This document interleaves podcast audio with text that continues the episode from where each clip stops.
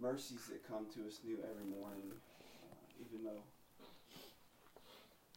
we're so unworthy, I'm so unworthy. Mm-hmm. Uh, I'm broken. I'm not whole, God. Uh, I fall. Sin is in my nature, God. I just thank you for your mercies who are new every morning, God. I thank you that I'm free and we are free because we stand in the blood of Jesus.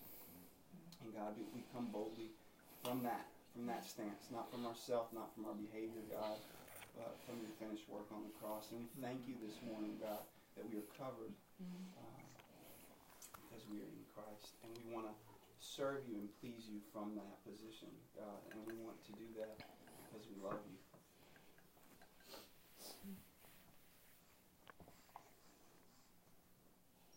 Just take a moment. Think about the original time you came to Jesus.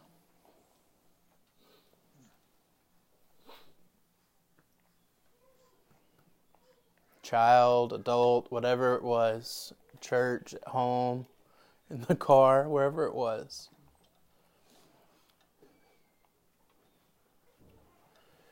The vile, disgusting thing that we pushed across the table to Him and ask Him to fix it, and He gives back that amazing love, crowns, a classification of prince, princess, heir to the throne. Oh, Jesus, we thank you. That big term, incarnation, doesn't do it enough, but the fact that you came to this planet so that we can come back to you.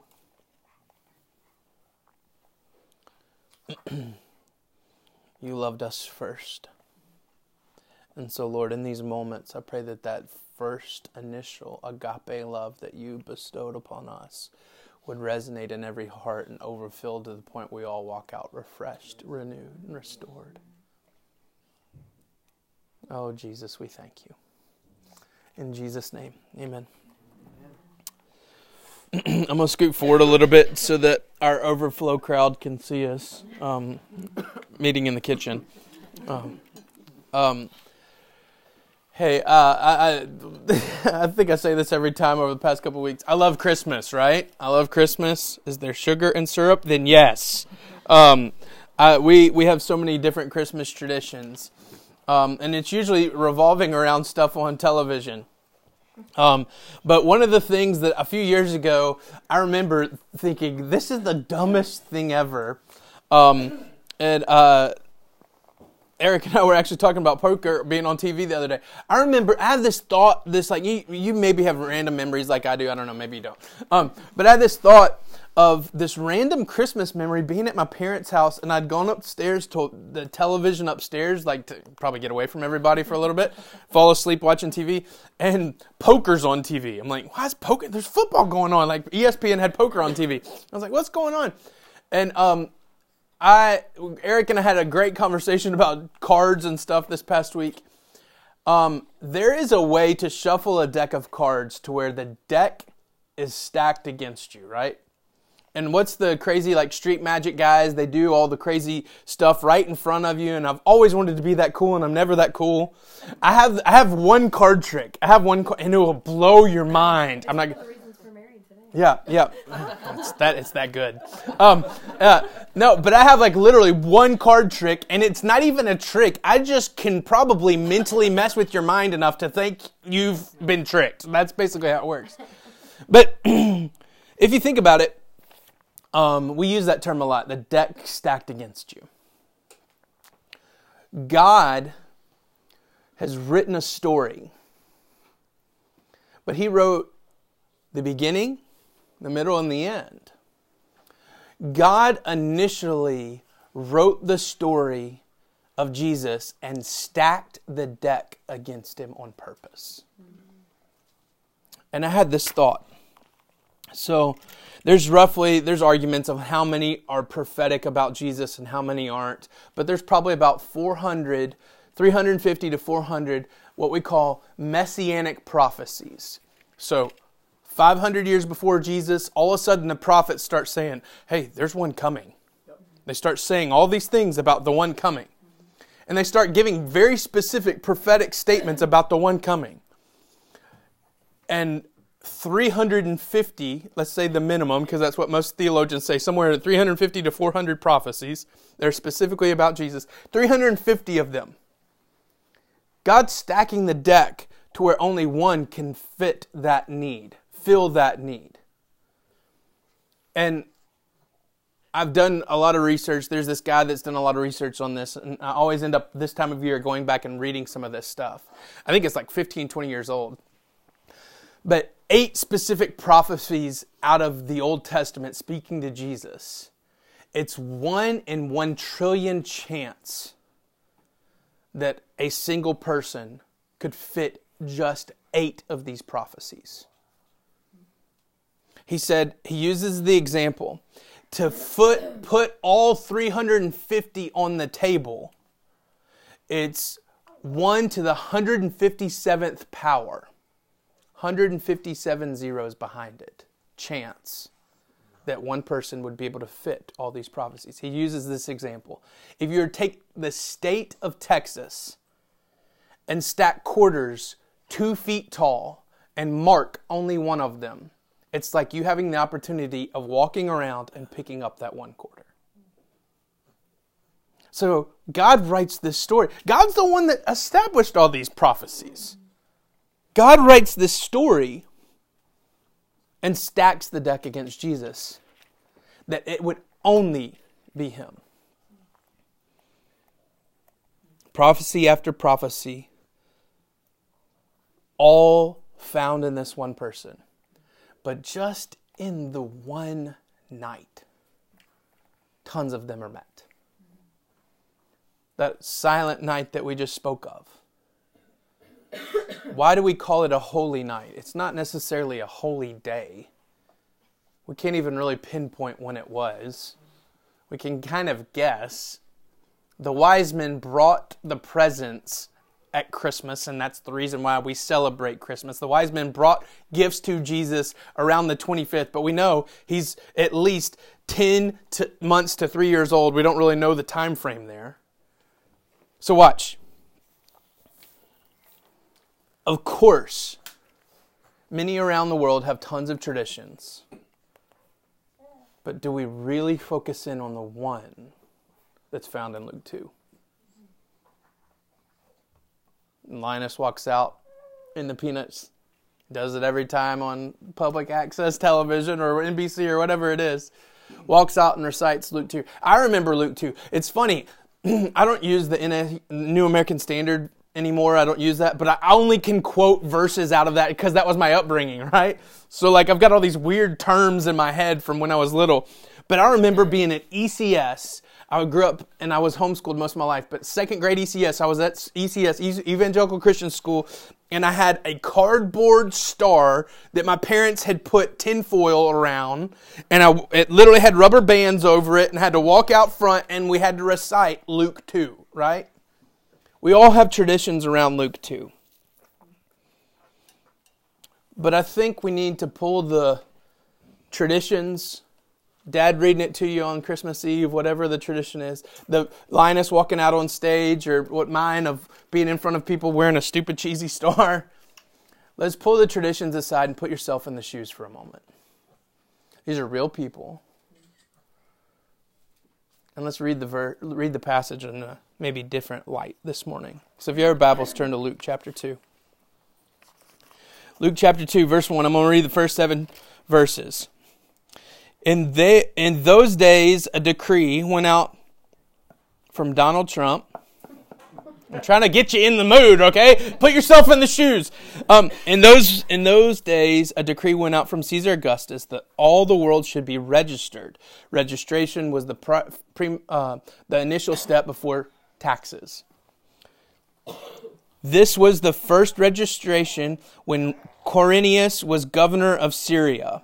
And all went to be registered, each to his own town. And Joseph went up from Galilee to the town of Nazareth to Judea to the city of David, which is called Bethlehem, because he was out of the house and lineage of David, to be registered with Mary, his betrothed, who was with child. And while they were there, the time came for her to give birth.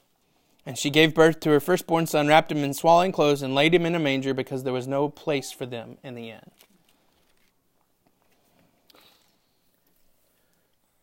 I think Mary and Joseph were probably saying the deck stacked against them. okay, an angel came to you. Sure. Oh, I had this crazy dream. I'm supposed to stay with her. Sure. I'm still a virgin. Sure. Watch. His betrothed wife. Married yet or not? Not married yet.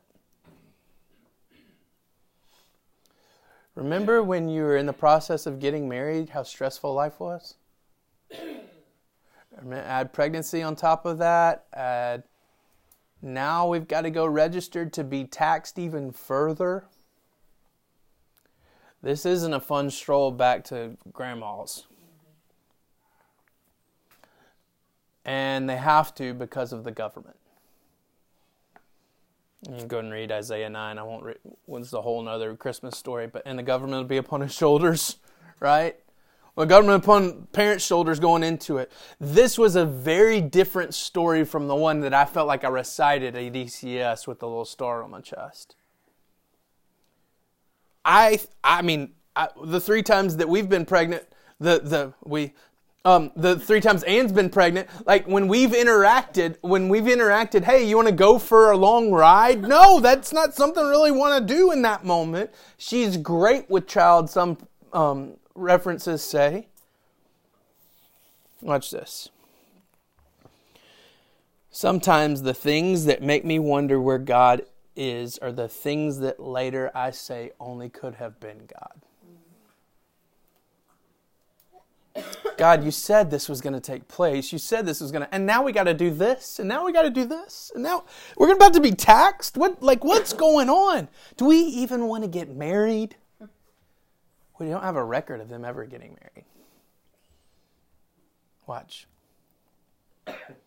In a perspective, a moment perspective says a decree goes out. Okay, the government's against us. More taxes. Each to his own town. Now we've got to travel She's way too pregnant, betrothed. And where's the explanation? God, explain yourself here. That's Mary's perspective. Watch. You want to see God's perspective? These messianic prophecies. Born of a woman, okay, well, we know that Messiah is going to be born of a woman, not just going to appear, going to be born of a woman. So, Mary, you have to be involved here. This is out of Genesis. After sin, God says a woman will give birth and he will step on the serpent's head. That's one of the very first prophetic statements that Mary has to be involved here. A descendant of Abraham, but even scripture gets further a descendant not just of Abraham, but of his son Isaac, and not just of his son Isaac, but of Isaac's son Jacob, and Jacob's son Judah, and Judah's son Jesse, Jesse's son David. Okay, so we've got a family tree that's getting real specific when it's talking about why they need to move to Bethlehem. Do you see it? God's writing a story in the initial stages here that Mary's going, What are we doing? And ultimately, it's fulfilling prophecy after prophecy after prophecy of the Savior of the world coming to the planet. born in Bethlehem, born of, of a virgin, called Emmanuel, and preceded by a forerunner. These are all prophetic statements that happen in a moment. I don't think Mary was thinking about the prophetic things. I don't think Joseph was. I don't think when we deal with the crap of life are we thinking about God's perspective. We're not wired that way. Does it feel like God is stacking the deck? Well, Jesus shows out the best when the deck's stacked against him. When everything is too much, Jesus steps up and says, This is my scene. no place for her to even give birth. I guarantee you, she was not the. We don't pray to Mary, okay? So I'm not being blasphemous. She was not the Holy Mary Mother that we that you hear many talk about in Catholic upbringing. She looked at. I guarantee you, because I I don't know women very well, but I know she looked at Joseph at one point and said, "I quit. I'm not having this baby." They're, they're knocking on the door. They can't find anything. You made me come out here kind of thing. No, I didn't. Caesar did, right? Like, like we got to come. Why was your dad even born in Bethlehem? You know, they're having that argument. Think about it, y'all. When you get stressed to an nth degree to where you want to quit and you're not even going to take another step, I guarantee you that that was there that night. Mary was not the she was virgin, but she was just flesh and bone like you and I are. She didn't know the, the messianic prophecies enough to where when the angel says you're going to be born or you're going to give birth to a child, she goes, I'm still a virgin. She didn't go, Oh, I'm a virgin. That means I'm going to give birth to Messiah. That would have been a prophetic thing that she could have remembered. She didn't even know it. She wasn't thinking from God's perspective. Watch. But still, how in the world God used her.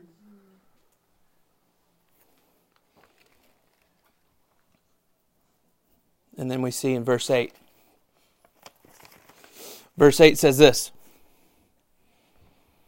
And in the same region, I love that. They had to be in the same region. They had to go through the journey. In the same region, there were shepherds out in the field, keeping watch over their flock by night. And an angel of the Lord appeared to them, and the glory of the Lord shone around them. And they were filled with great fear. And the angel said to them, Fear not, for behold, I bring you good news of great joy, which shall be for all people. For unto you is born this day in the city of David a Savior, who is Christ the Lord. And this will be a sign for you. You will find the baby wrapped in swaddling clothes and lying in a manger.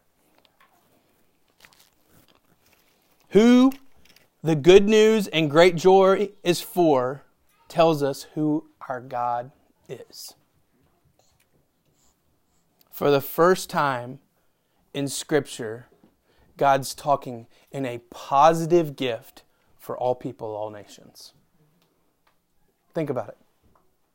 All people, all nations has always been in a, like, I'm going to wipe the earth out in the Old Testament when Jesus arrives, he doesn't say, For my people. I will be your God, you will be my people. He was talking to the nation of Israel at that point. This is a gift for all people of all nations. And look who he's talking to the marginalized night watch shepherds.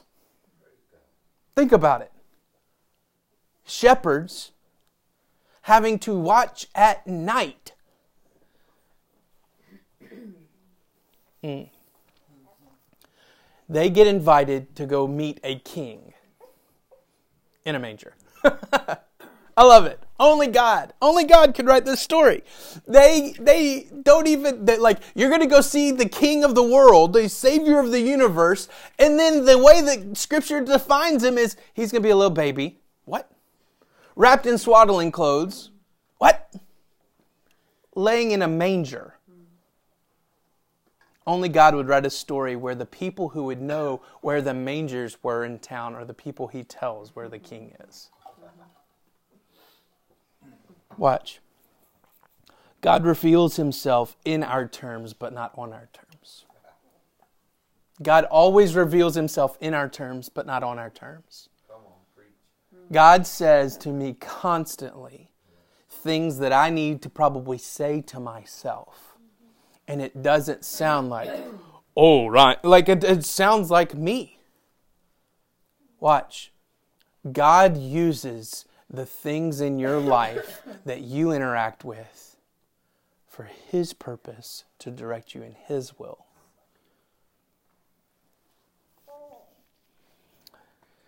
They didn't desire night watch, and we don't even know their names. Who wants to be the shepherd watching the sheep at night? And how, how frustrating is that? Like, the sheep probably aren't going anywhere. You're watching for the thing that's going to attack the sheep, and all of a sudden the lights of the world blow up around you. No wonder they were scared. Watch. A crowded city, who would know where the stables were in the middle of the night? Who was going to be out in the fields to witness these things? It had to be shepherds. And then Jesus says later, I'm the good shepherd and uses that as an incredible way to lead people. Who would be willing to drop everything to go see a baby in a manger in the middle of the night? Yeah. some moms, some moms have to. But the shepherds, they can leave this role and go and worship. God's writing a a story here that we so move past. God has put you in a position to give you an intimate interaction with Him.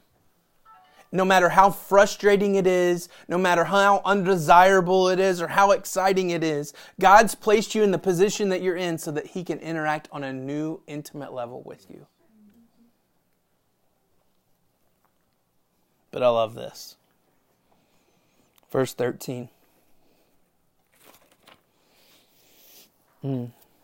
And suddenly, I like okay, another and suddenly, I'm, I'm like, uh, what was the old school 70s? He was the trash guy. He's always having the heart attack on TV. You know I'm talking about? Like, and suddenly, like, oh no, here comes another heart attack for these shepherds. They've already had the glory of God surround them. What does that look like? I always picture myself, what if I'm just somebody walking by and seeing this? Did God like hide it from everybody else? Or is it like this weird, crazy, cool glow that's like what's happening? And the Bible says, and suddenly there was with the angel a multitude of heavenly hosts praising God and saying, eh, okay, um, I'm from Memphis, so I could talk. Y'all, there's more of them, right? Right? Look, there's more of them. Watch.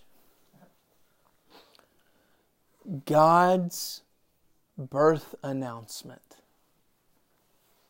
it better be an incredible story. Who knows what the skies look like that night? And God instinctively chose the men who are reading in this moment. Y'all, Levitical and rabbinical law, there were men reading over scripture night and day, looking over the prophetic things. God didn't open the skies for them. He instinctively came to a humble city, a humble servant that was like, I don't know what's going on, but let's go see this baby. I love this. God uses idiots. Hey, you're one. Me too. And the reason is we can step into a humble king calling others who will be humble to flip the world upside down. So then the announcement glory to God in the highest and on earth. See the two definitions? God's glory to the highest, and then earth. And on earth, it says, among peace among those in whom he's well pleased. When the angels went away from them into heaven, the shepherds said to one another, "Let's go over to Bethlehem." like, what, the, what do you? You have to, right? You've seen too much. You have to go to Bethlehem. Let's go over to Bethlehem and see this thing that's happened, which the Lord has made known to us. I love it. The announcement wasn't the thing that had happened they were going to go see the thing that had happened. They got what the announcement. Y'all, this, the heavens just split wide open. Let's go to Bethlehem and tell everybody what just happened. No, there's a greater thing that's happened. Instead of worshiping the cool thing that God did, instead of worshiping the miracle, they worship the miracle worker. You see it? But watch. Peace comes only to those whom he is well pleased. That's what Scripture says. Like, hang on now, that feels a little bit like not fair. Good news of great joy goes out to all. Jesus is born in a crazy environment from Mary's perspective. Good news and great joy comes to the marginalized first, but it's for the entire world. So, why does it say, among those in whom he's well pleased? Watch verse 19. Or let me back up to 18. And all who heard heard it wondered what the shepherds told them. But Mary treasured up all these things, pondering them in her heart. And the shepherds returned, glorifying and praising God for all they had heard and seen as it had been told to them. And then verse 21 And at the end of eight days, he was circumcised and he was called Jesus, given the name by the name given by the angel before he was conceived in the womb. Think about Mary's perspective going into that night. She just gave birth to a baby. I don't care if she was great, she's still exhausted. She just gave birth to the Savior of the world of what she's been foretold. She's still processing everything. Like, is this it? God, did I mess this up? That's what I'd be saying. Lord, we're in a stable. He's the King of Kings. What's, uh, we need to be somewhere else. Failure comes so quickly after something incredible. I can attest to that time and time and time again. The moment you guys leave on Sunday mornings, failure sets in on my heart. The moment we come back on a Sunday night, failure sets it. Like, that's just how the enemy plays. When I feel confident in what God's doing, he throws a low punch. Watch. I'm not sure what happened in that moment. I'm not sure her perspective leading up to it. I can tell you, human beings, we probably would have been struggling. And after she gives birth, she's tired all of a sudden these shepherds show up. And they start explaining what they've seen. And the Bible says, But Mary treasured them in her heart. Watch. When you walk faithfully before the Lord, He's pleased. And that's when peace comes. You see it? Peace on earth in those whom he is pleased. And the shepherds still don't know. They leave their field to go see what's up, and they interact with Mary, and the Bible says they left glorifying and praising peace. Because they had followed in the steps that God's given them. The shepherds have peace because they had received the good news of great joy for all. I love that. Glorifying and praising. Mary treasures them in her heart. But the shepherds are outwardly glorifying and praising God. Why? Because they said, good news of great joy for all. It's no longer this small group of people will I'll be your God and you'll be my people. It's no longer the God of the nation of Israel, the Hebrew God. It is now the God over a shepherd the God who came in the manger, the God for all. And we hadn't even talked about some of the best things that he's done yet. You have to see Savior at birth, Lord at birth, does not just mean salvation the goodness of our Father, the miracle worker of our Savior, the one that I can interact on an intimate level, He's doing that in those moments as an infant. A Savior who is Christ the Lord. The one they've been praying for shows up. Hey, listen to me. The one you've been praying for shows up every time. Sitting in a dark night, marginalized. He's going to open up heaven at some point in time. But you walk in the road that God's given you, step by step, until the miracle takes place. And then, as I just taught this past week, the miracle is not just for you. Only one do we see treasured in her heart. And that was probably the gift that God gave Mary. She carried the Savior of the world for nine months. We didn't get to do that. Probably a unique gift that Mary gets. But for the rest of us, I, hey, I've seen the king. Oh my goodness. Guys, these angels showed up, but then we went to a manger. No, tell me more about the angels. Nuh I need to tell you about this kid. Watch. When God shows up in miraculous ways, we can't do anything but speak of Jesus. If we do, it's another Jesus and another gospel that Paul warns us about. But when we speak of Jesus, we speak of him. I'm sorry, I'm about to go Talladega Nights. He prays to sweet little baby Jesus. You know I'm talking about? Sweet little baby Jesus. Hey, it's okay to celebrate the infant Jesus because he was Christ, Savior of the world at that moment, and hadn't done anything yet. Because of the incarnation, Emmanuel, I'm going to teach on this Sunday night. God with us. Hey, if you're looking for a lion that's going to attack a sheep, the smallest noise freaks you out. But if you have somebody with you, changes things. That noise of the lights coming up and whatever happens, the angel showing up has to say, Fear not. But then the shepherds walk with confidence for the rest of their lives, probably, because God is with us. Hey, discouragement's going to set down fast. It might even in these moments. Pain in your neck, losing a job, God's still with.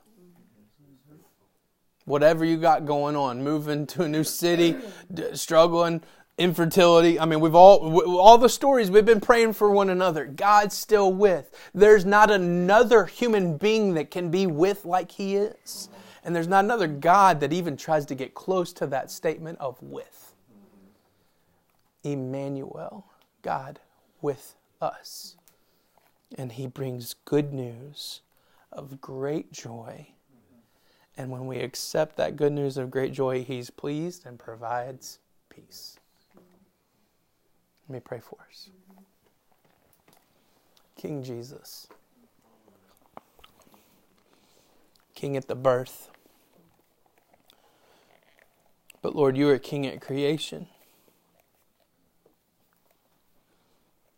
And Lord, I pray that that idea of resonating King that's with us would sit down tomorrow morning, would sit down tonight, Lord, that concept of God being with us would be bigger than the lies the enemy tries to stick in our ears and whisper in our head. King Jesus, you're with us.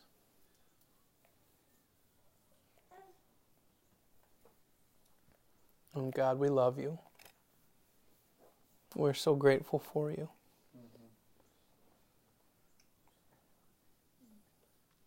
No mountain you won't climb up. Wall you won't kick down. I'm butchering it, but it's okay. God, you're going to come after us no matter what because you promised to be with us. So, Lord, be with us now. Katie, is it okay if we pray over you? You mind coming and sitting? Katie's got some crazy neck pain that I understand, right? Mm-hmm. I just feel impressed. We need to pray over you. A couple ladies, y'all want to come over and lay hands real quick? We're going to pray over Katie.